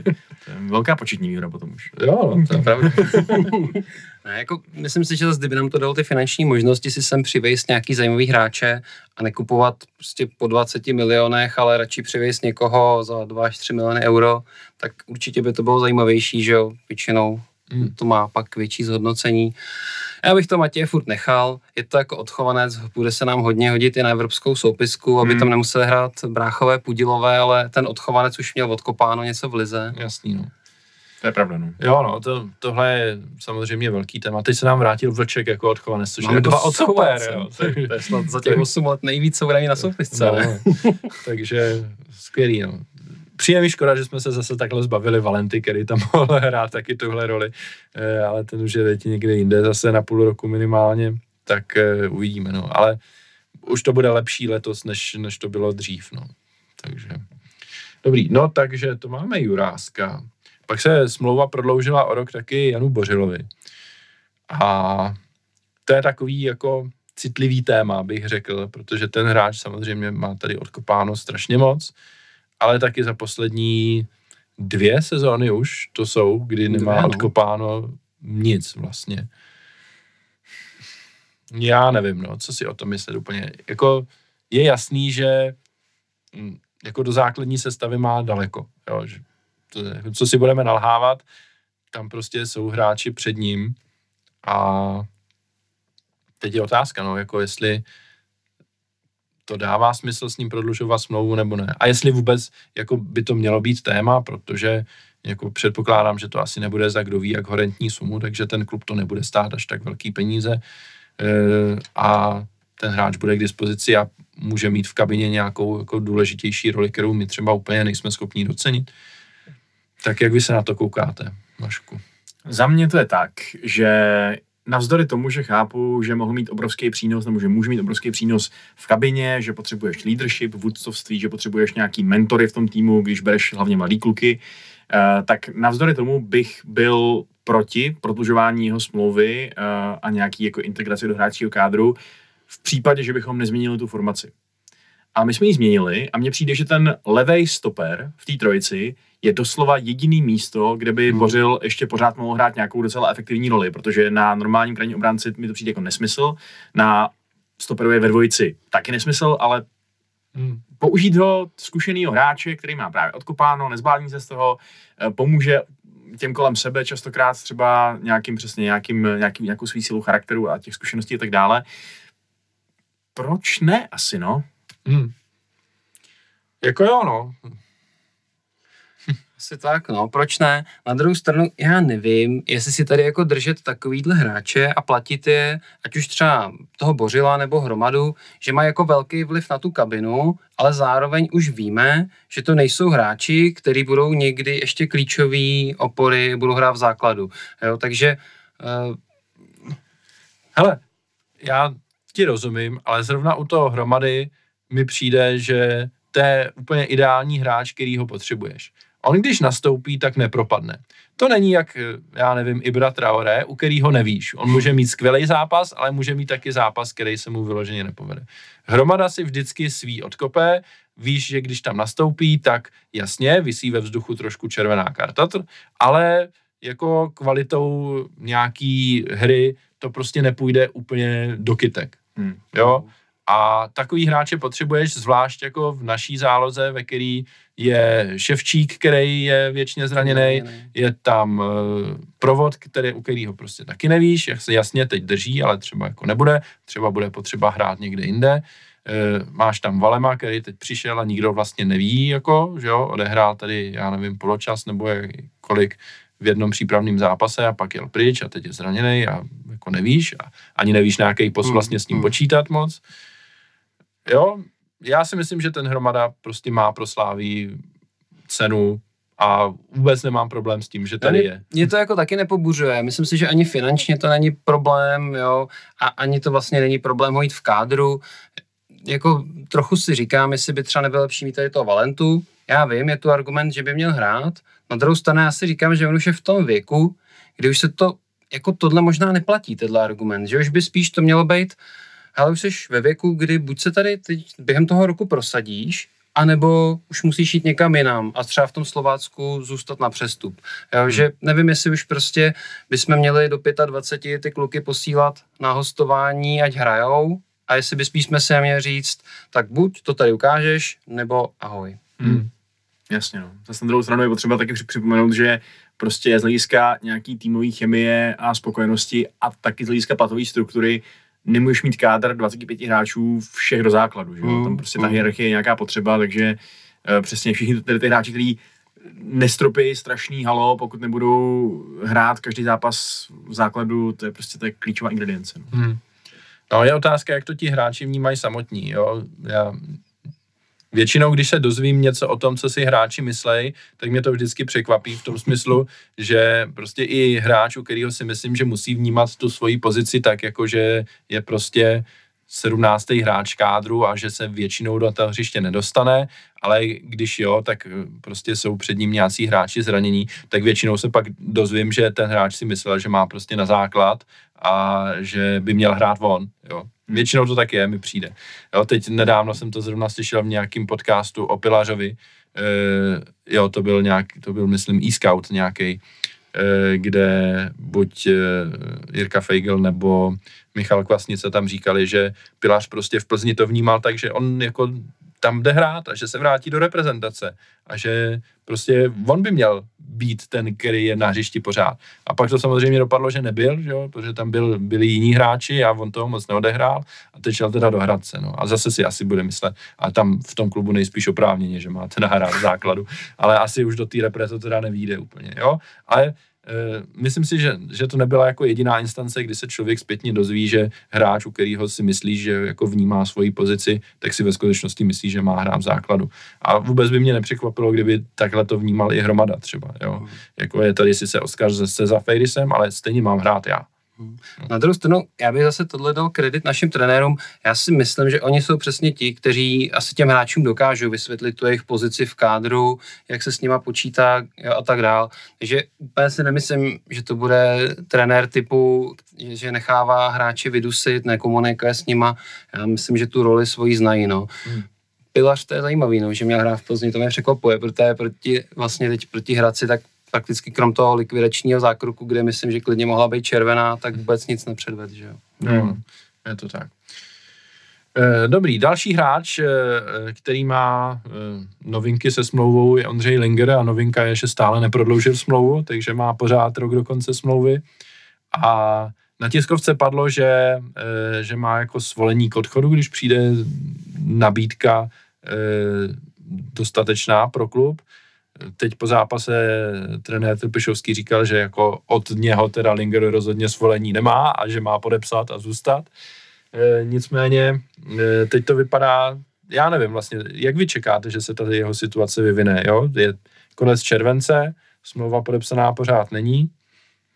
Vašku? Tak můj odhad by byl, že nikdo adekvátní nabídku nepošle, protože adekvátní nabídka za takhle užitečného hráče, který prostě víme, že nám do toho systému sedne a který ho využijeme v těch předkolech, by byla asi relativně vysoká pro mě, prostě. Bylo by to nějaký jako miliony eur, že jo, což za hráče zase před koncem smlouvy je taky to asi nebude dát každý.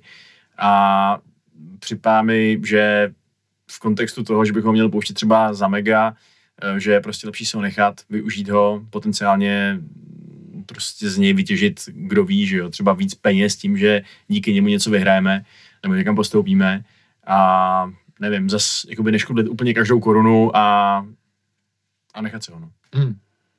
No, já si myslím, já to vnímám hodně podobně, no. Jako než ho prodat za nějaký 2 miliony eur třeba, tak je možná jednodušší nebo pro klub výhodnější si ho tady nechat. A i kdyby měl odejít prostě za rok zadarmo, tak eh, podobně jako Olajnka, tak on může mít tu cenu v tom, že nám vyhraje nějaký zápasy v Evropě, ale zaplatí se tímhle třeba. No. Nevím, Torklére, jak ty to Mně teda přijde Olajnka trošku jiný kalibr než Ondra Linger, no offense. A, a trošku ty jeho jako pozici nerozumím, že jo, tak vlastně on teďka ještě změnil agenty, takže já vlastně jako fanoušek ani nevím, co chce, tak chceš tu být kamaráde, chceš jít ven, tak jestli chceš jít ven, tak proč se o tebe nikdo nezajímá, protože já si myslím, že ta cenovka bude třeba, já bych řekl třeba 2-3 miliony euro, jo, co za něj chcem, což za hráče s jeho produktivitou by asi jako klub, když ho chce, neměl mít problém dát. Takže spíš si myslím, možná bude potíže ta Lingerova pozice na hřišti, tak je vlastně těžko jako definovatelná, těžko hmm. uchopitelná, v tom našem systému funguje, ale možná ty kluby se trošku bojí po něm sáhnout s ohledem na to jeho využitelnost v nějakých jako jiných systémech. A jako, jako klub jsme v blbý situaci, že je asi jako stupidita tady mluvit o nějakých jako, aby nehrál, přeřazovat do Bčka se stejně nesmí, takže my jako klub jsme už v trošku blbý situaci, takže teď je to spíš na tom hmm. Ondrovi, no, aby si teda řekl, co chce. Já si myslím, že pokud tady nejsou nějaký super nabídky, což asi nejsou, tak by pro ně bylo daleko lepší podepsat smlouvu. Tímhle, jak to šponuje, tak jistě nebude vůbec špatná a pokračovat tady, no. Hmm. Jasný, no, jako z jeho pohledu je to asi, to dává největší smysl, no. Moc, možná se může bát toho, že podepíše tady další smlouvu a pak dopadne jako já nevím, hromada, bude tady na furt a už se do zahraničí ne, nepodívá nikdy třeba, jo. A přeci jenom ještě není zas tak starý, hmm. aby si jako nemyslel na to, že si půjde vydělat nějaký peníze. Ale hmm. teď očividně jako ty nabídky nejsou takový, jo, tak Jasně, ale pokud, pokud vydrží rok právě, tak uh, za volný hráče už se bude platit tím klubům daleko z nás, že jo, a mm, budou mít větší zájem. Takže... No a nasypou i jemu jako víc peněz, že jo. bonus, určitě, no.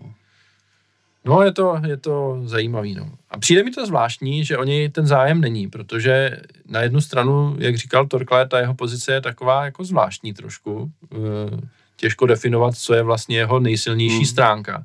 Ale na druhou stranu je prostě produktivní. On dává góly od té doby, co přišel do Slávie, vlastně pořád. A je, to, je tomu týmu strašně přínosný. A nejsou to góly prostě na 4-0, na 5-0, jsou to důležitý góly, který dává. Jo, takže bych čekal, že o něho nějaký zájem bude a trošku mě překvapuje, že vlastně nic moc jako není. Hmm. Jako mě to jeho, to jeho bědství mě přijde atraktivní, takže mně se, jako, mně se to líbí.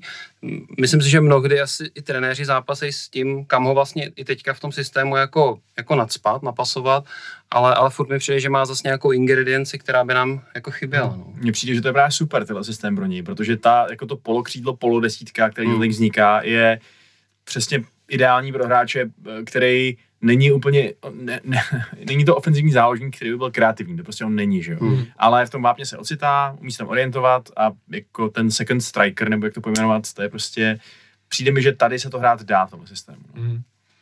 No, tak uvidíme. Očividně teď eh, s ním trenéři nepočítají do základní sestavy, hmm. ale vždycky to bude pro ně asi první náhradník, který na to hmm. hřiště bude chodit takže vytížení dostane dost, si myslím. E, prostoru dávat góly taky, konec konců i tentokrát byla asi ve dvou šancích. Hmm. E, jedna ta hlavička byla fakt jako hmm. dobrá, že jo, takže e, uvidíme, no. Jako pokud, pokud by mu tohle nevadilo, že, jo, že hraje z té lavičky, tak mě přijde, že jako to, to je ultimátní střídající hráč, jo. To, je, to je hmm. skvělý oživení vždycky. Hmm, jasný, no. Eh, pak ještě padla informace, že prodloužíme smlouvu s Oskarem, to se teda nestalo zatím ještě, nebo to minimálně nebylo zveřejněno, ale prezentováno to bylo tak, že už je to jako těsně před podpisem, takže snad dohoda už nějaká existuje. Eh, já z toho mám jako velkou radost, Oskar největší sympatiák v týmu skoro, že jo. Eh, takže a navíc prostě ty kvality, které teď ukazuje v tom středu zálohy, super, no. Takže čekáte od něho třeba nějaký větší přestup, protože už je taky ve Slávii docela dlouho, už není úplně nejmladší, že jo, já myslím, kolik mu je 25, možná 26 nebo tak nějak, takže čekáte, že třeba jeho by Slávia mohla nějakým výraznějším způsobem speněžit, anebo to bude takový hráč, který tady e, spíš jako bude pro ten tým taky jako důležitější e, než, e, než jeho případný ekonomický přínos za prodej. To mě ani vlastně nenapadlo nad tím uvažovat, že by, že by Oscar mohl odejít uh, někam za ale jako dá to vlastně smysl, že by se hmm. po něm mohli nějaký tým začít koukat, protože samozřejmě asi víc čekáme, že ztratíme dřív, spíš než později, za Fejrise, že jo, který hmm. vypadá jako, že to bude talent pro top 5 lig. Uh, ale Oscar vlastně jako proč ne s touhle formou, s, s tím, jak je super být univerzální, to nedivil bych se vlastně. No. no já už jako jsem čekal, že Oscara, nebo Oscara bude zájem tak jako před rokem a půl mm. a on je pořád tady a teď jako jeho pozice je čím dál silnější v tom mm. týmu, jo. Předtím byl pořád takový jako, uh, jo, levej back jako chvíli, jo, chvíli ne a chvíli to je zajímavý, chvíli to není úplně zajímavý a je na lavičce a teď najednou je prostě jasný člen základní sestavy a nikdo moc nepochybuje o tom, že má hrát on a no, když bude hrát, tak uh, o něj asi nějaký zájem bude. No. Ale zase nevidím, že by ho někdo kupoval za nějakých 8 milionů. To, ne. to asi těžko. Hmm. Na to už je bohužel moc starý asi. Mně se Osky líbil už na té levé straně, už tehdy jsem třeba čekal, že by o něj byl zájem. Na druhou stranu mě a zase to soudíme vyloženě jako z televize, jo, tak mě ten kluk přijde jako, jako skromný, že to není úplně ten typ člověka, který by za každou cenu musel prostě jít bojovat o místo v Premier League, že jsou prostě že cizinci, pro který je už to hrát ve slávy úspěch a, a třeba jako ty finanční možnosti, co tady má, tak jsou pro ně OK. Takže já bych se vůbec nezlobil, kdyby tady Osky zůstal a, a zrovna to byl jeden z těch cizinců, co tady zůstane a, a bude těm dalším Afričanům zase pomáhat se aklimatizovat. Hmm. Je to tak, no já to vidím vlastně úplně, je, úplně stejně. Tak, eh, jo, no pak eh, přišla bohužel smutná zpráva o, o zranění Davida Pecha, který eh, podle toho, co říkali trenéři, tak měl poměrně blízko k základní sestavě a vypadal zajímavě. Eh, ku podivu ho vidí pořád ve středu zálohy, což mi přijde trošku fascinující, protože to je taky jako univerzální hráč, ale předpokládám, že možná i právě z toho, že, že vidějí, že eh, s ním se ta sestava celá může jako rotovat a on, když se ocitne na, na levé straně, tak není problém, když se ocitne na pravé straně, tak není problém.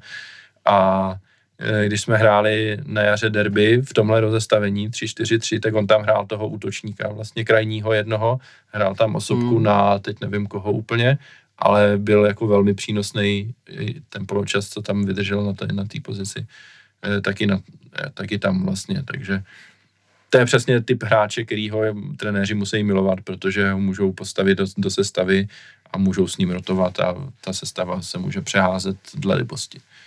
No, takže to je eh, bohužel jako velká smůla, křížový vazy. Hmm. hmm. Co k tomu říct, no? Asi nic moc, no. hmm.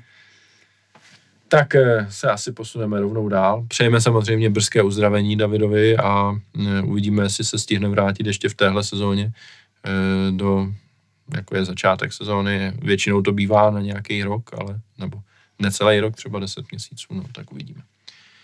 A škoda, že v tomhle věku, že jo, to je takový hmm. nejpitomnější, když ty kluci takhle vlastně, když začínají naskakovat fakt už jako častěji, asi to udělají, že jo, tak to je škoda. No. Hmm.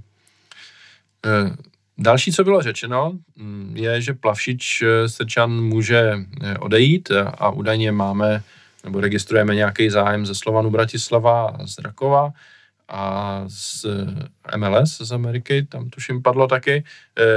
Mě to docela překvapilo v tom, že Serjan Plavšič dostával eh, prostor v přípravě poměrně velký, než se zranil nešťastně a e, vypadalo to, že trenéři vlastně by s ním rádi jako počítali na tu levou stranu, té sestavy. Ale teď to vypadá, že už je nad ním jako, nebo jeho osud je spečetěn, protože teď nevím, jestli byl v nominaci, ale myslím si, že možná ani. Nebyl. Byl na utkání v Liberci. Ne? Jo, no a právě, ano, byl viděn v Liberci, jak se díval na Liberec s baníkem, takže předpokládám, že spíš, spíš asi baník o něho bude mít zájem než, než Liberec. Jak vy se na to díváte, jako, když vezmete v úvahu i ty přípravné zápasy, do kterých nastoupil, eh, bylo by spíš lepší si ho tady nechat, anebo dává smysl se ho zbavit? No tak za mě prostě, já mám rád do těch hráče, který se hezky dívá, který dokážou být ty kouzelníci, který vymyslí něco, něco, něco nečekaného. Uh, mrzí mě, že Plavšič není uh, legenda po potenciálním jednonohým gólu, že jo, prostě uh, do Evropy, uh, ale zároveň vidím, že zjevně není úplně kompatibilní s tím, co chceme hrát uh, a asi ne, nevím, jestli je to vhodný typ hráče přesně na to, na to bušení do těch, do těch obran, který nám tak často dělá problémy a proti kterým v lize často hrajem a mít tady takovýhle hráče, který prostě taky, že bude dobře zaplacený, uh, jenom kvůli tomu, aby jakože by byl teda využitelný třeba v té Evropě, když bychom byl třeba jako větší, jako, a to, tak, tak, tak, to ani prostě nejde brát, protože chcete hrát s tím, co máte sehraný a tak dále, takže uh, nevím, je to škoda, nebo mě to mrzí osobně, ale je to asi jediná logická volba za mě v tuto chvíli. No. Tak eh, já jsem čet zrovna s okolností, že Jakub Dubiáš sdílel na Twitteru, že vlastně Plavšič tak je jeden z nejlepších hráčů v lize pro hru jako do otevřené obrany. No, ale kdy my do té otevřené obrany hmm. hrajeme? Nikdy. Takže jako ten Plavšič má nespochybnitelné kvality, na druhou stranu je prostě křehkej a má i trošku pech jako na zranění, že se mu prostě dějou takový blbý věci. Vy jste teďka naposled, že jo, to, to, to, to, v tom obličeji, jo. Takže prostě nějak mu to tady, jako asi mu není to a trošku ani přáno, jo, to působení ve Slávii a já si myslím, že na jeho plat, tak by to měl být prostě jednoznačně starter a měl by to být třeba top 3 jako hvězda kádru, ale to on není. Ani v té přípravě nebyl. Takže si musíme podle mě s ním rozloučit. Mm. Jasný, no, já to vidím hodně podobně, no. Mě hodně překvapilo už to, že vlastně dostával vůbec prostor hmm. v té přípravě. Spíš jsem čekal, že rovnou mu řekneme, jako ať si hledá jiný angažmá a ani třeba do té přípravy nepůjde. Nakonec šel, ale stejně to dopadlo tak, jak asi to muselo dopadnout. E, takže samozřejmě bych mu přál, ať, ať se chytne, e, pokud by na levé straně Slovanu Bratislava hrál v obraně Jarda Zmrhal a na křídle Seržan Plavšič, mm-hmm. tak mhm. jsem s tím úplně v pohodě eh, a hodně bych jim fandil, ale bohužel, nebo nevím, nevypadá to asi, nemyslím si, že by Slovan Bratislava byl eh, natolik atraktivní volbou pro, pro Plavšiče, aby tam přestupoval, tak uvidíme. No. Každopádně ve Slávii to budoucnost nemá.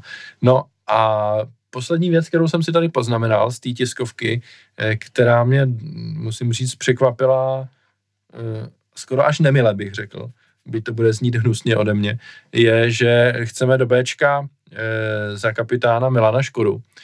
A mně to přijde jako strašně divný. Ve chvíli, kdy jsme teda prodloužili smlouvu se Standou Teslem, mm, který mm.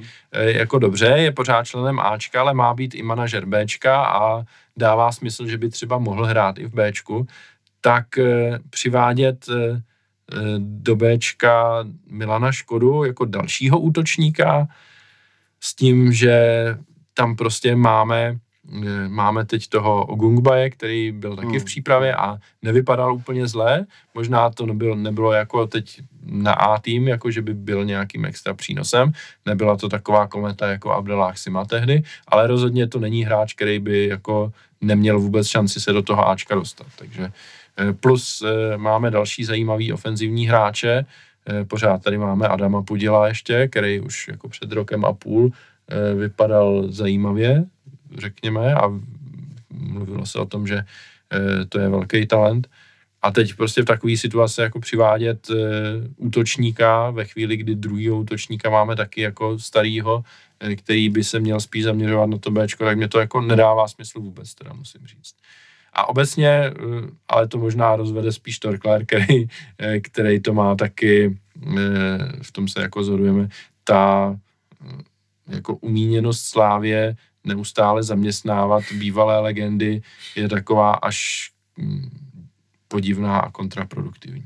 Co to klade? Tak jako nemůže být zabezpečovací ústav, že my těch legend měli spoustu a jako nemůže tedy jako pracovat a, a platit každýho, no. Myslím si, že v tomhle bychom měli být jako umírněný. Já třeba vnímám Milana Škodu jako legendu a já už ale nemůžu posoudit, jestli on je opravdu takový materiál, aby byl dobrý trenér, jo. Já nevím. Jo, ví, ví to někdo z vedení? Podle mě moc taky ne. A jestli má začínat zrovna ve Slávii, nebo si třeba tu kariéru trenérskou nastartovat někde nezávisle, přijde mi, že možná by pro něj bylo lepší, aby si to zkusil někde jako nezávisle, neměl tu cestičku umetenou, jo. třeba by to i pro něj bylo jednodušší no, do budoucna. Každopádně je tam jako ta sexy představa, že budeme drtit čefel s útočnou dvojicí Škoda Teco. To je, to je devastující zcela. Ale eh, přijde mi, že těch zkušených hráčů by bylo v B týmu opravdu hodně, protože v tuhle chvíli tam nastupuje Míša Švec, asi tam bude nastupovat Bořil a přece jenom to Bčko bychom asi chtěli mít hlavně kvůli prolínání mladých hráčů s A týmem. Takže přijde mi to nějak moc, no. Hmm.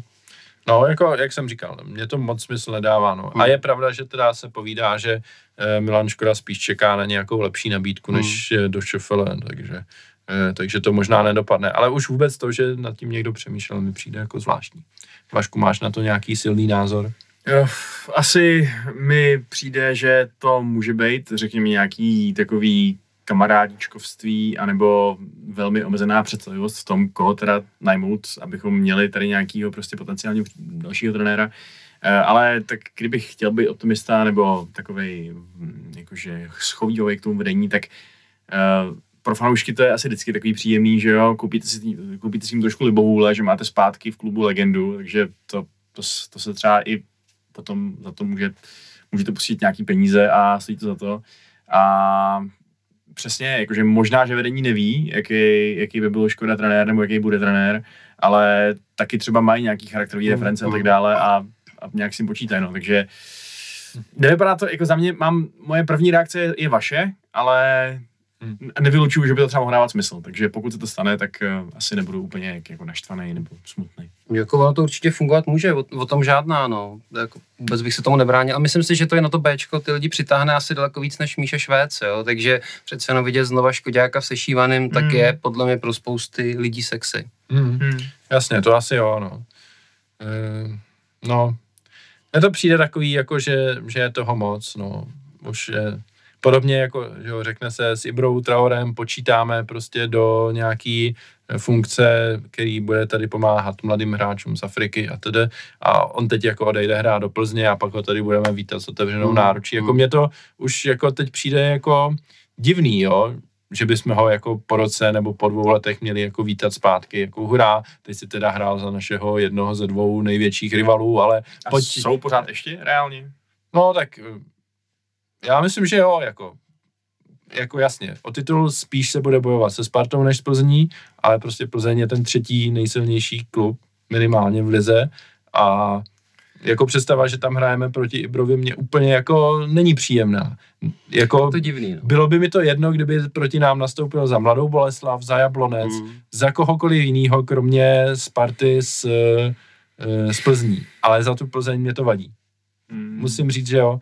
I když třeba jako ty ambice nemusí mít teď takový, ale já tomu nevěřím, já si myslím, že ty ambice mají pořád a že ten tým pořád je jako dostatečně silný na to, aby nás porazil, eh, když se něco nepovede, takže není mi to příjemný, musím říct. A stejně tak mi pak není příjemný ho tady vítat zpátky. Jako. Bohužel. Je, je to možná jako emoční záležitost víc než nějaká jako e, reálná nebo prostě založená na faktech, ale jako z, čistě z téhle pozice mi to trošku vadí, musím říct. Jako pokud nás fakt sestřelí v nějakém zápase, tak budu velmi mrzutý samozřejmě, ale nevěřím, že se to stane. Uh, jsem taky optimistický v tomto ohledu. A já bych ho tady potom, pokud se nestane něco takového nepředvídatelného, tak bych ho tady klidně uvítal zpátky. Hmm. Ona je otázka, i co on si představuje, protože já když jsem s ním četl ten rozhovor, tak on zmiňoval, že má rodinu v Paříži a jak úplně mi z toho rozhovoru nepřišlo, že se hrozně těší na manažerskou pozici ve Slávi, jo. Takže možná jedna věc je, že my jsme mu něco nabízeli a druhá věc je, že on se vidí, že bude ještě pět let hrát a pak se odstěhuje do Paříže a bude dělat hráčského agenta, což mi přišlo, že z toho rozhovoru Hmm. vyplývalo daleko spíš, jo. A možná ještě ťuknu jednu, jednu věc. Mám vlastně v tom kádru, tak nám tam budou dozrávat další hráči, u kterých se budeme asi brzo ptát, jestli je taky zaměstnáme v kádru, nebo jestli budeme pouštět někam do ligy. Určitě, že jo, takový hráč bude v nějaký spíš bližší než dálnější budoucnosti třeba Maso, Ševčík, Tomáš Holeš, jo, takže my těchto hráčů tam bude mít čím dál tím víc. Mm, jasně, no, a pak se nám jako to hromadějí horníci v dole, že jo, jako Cimrmanovi trošku, takže eh, jako bohužel to není nekonečný, no, ten klub. Ale pak jednoho dne totálně podrtíme silvestrovský derby, takže to je Jo, to si myslím, že jo, no. Jsem jsem manažersky, že podrtíme celou ligu, ale tak, taky dobrý.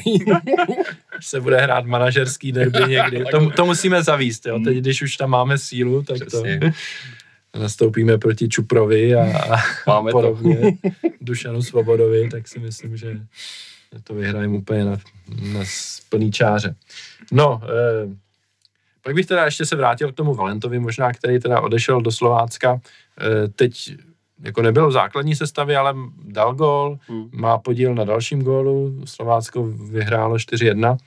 Já teda musím říct, že eh, mu fandím dost a rád bych ho tady někdy viděl zpátky ve Slávii. Trošku mě to mrzí, že odešel, protože pořád v něm vidím to místo na evropský soupisce zadarmo, který prostě eh, se u nás nedostává a ty kvality si myslím, že jako má, eh, že to není jako vyloženě tak, že by nemohl být v kádru Slávy už teď. Eh, Ale tak jako asi se z toho nebudem střílet, že jo, že, že teď jako nám odešel hráč. Jak vy to vidíte, Vašku?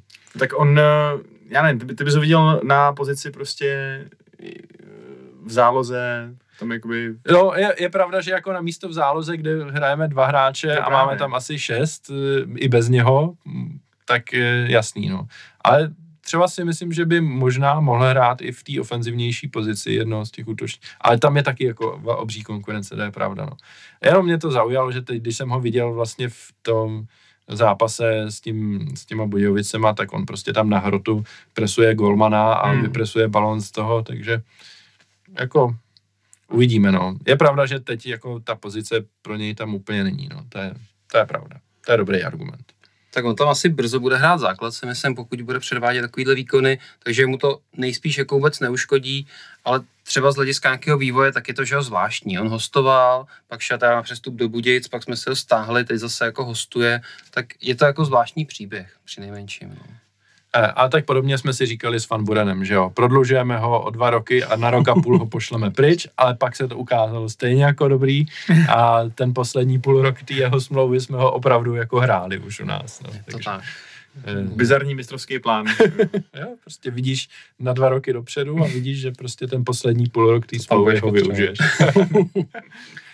Eh, Dobrý, tak já myslím, že jsme probrali z tiskovky všechno, nebo máte ještě něco, co vás zaujalo na té tiskovce, co byste chtěli zmínit? Hele, zase asi kontroverzní téma, mně se dost líbí, že se bude vymáhat nekouření v Edenu.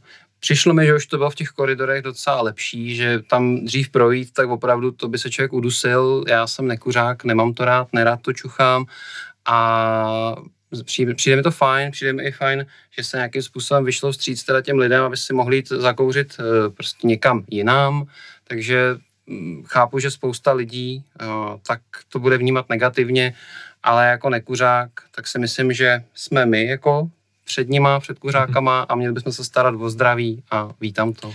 Jasný, a teď se rovnou zeptám, ty jsi byl teda na stadionu přímo, tak v to pondělí už ty výbě, teda v pondělí, v sobotu, ty výběhové zóny už teda fungovaly a ti lidi chodili kouřit ven opravdu, nebo v jakým stavu to bylo teď? Ale to jsem vůbec neskoumal. Já jsem se vyloženě spíš zaměřil na to, že když tam procházím tím koridorem, tak jsem tam eh, neprocházel mlhou a nedusil jsem Jo. se, ale kde kouřej, jak kouřej, tak, eh, tak pozorný jsem nebyl. Mhm. Ale každopádně teda zlepšení si zaznamenal, Ano. takže asi, asi to bude fajn. Jako, jako všechno, i tohle bude chtít nějaký čas, ať si na to lidi zvyknou určitě, no, takže.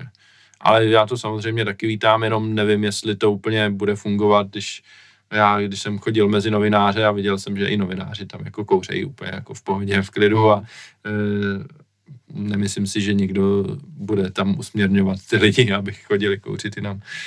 No, tak to je, to je detail a určitě to nespůsobuje většinu kouře na tom stadionu. Dobrý, tak jo. Tak pokud Vašek nemá něco, co by ještě ho napadalo, že, by, eh, že bychom potřebovali zmínit a nevypadá to tak, tak eh, si myslím, že to pro dnešek můžeme ukončit. Žádný freestyle mě nenapadl na dnešek, takže si myslím, že je nehledě na to, že už jsme zase dlouhý hodinu 40, takže myslím, že je to tak akorát na jeden zápas a jednu tiskovku eh, a můžeme to ukončit. Já moc děkuji Vaškovi, že přišel mezi nás opět. Děkuji za pozvání, bylo to super. Eh, děkuji Torklérovi, že nám vytrhl trn z paty při Alojzově nemoci. Rád jsem dorazil, mějte se. A milí posluchači, příště se uslyšíme s nejvyšší pravděpodobností za 14 dní, kdy budeme mít za sebou zápasy s českými Budějovicemi a doma se Zlínem a budeme mít před zápasem eh, třetího předkola Evropské ligy. Ještě nevíme s kým, budeme všichni doufat, že s ukrajinským Dniprem. Eh, do té doby se mějte hezky a ahoj.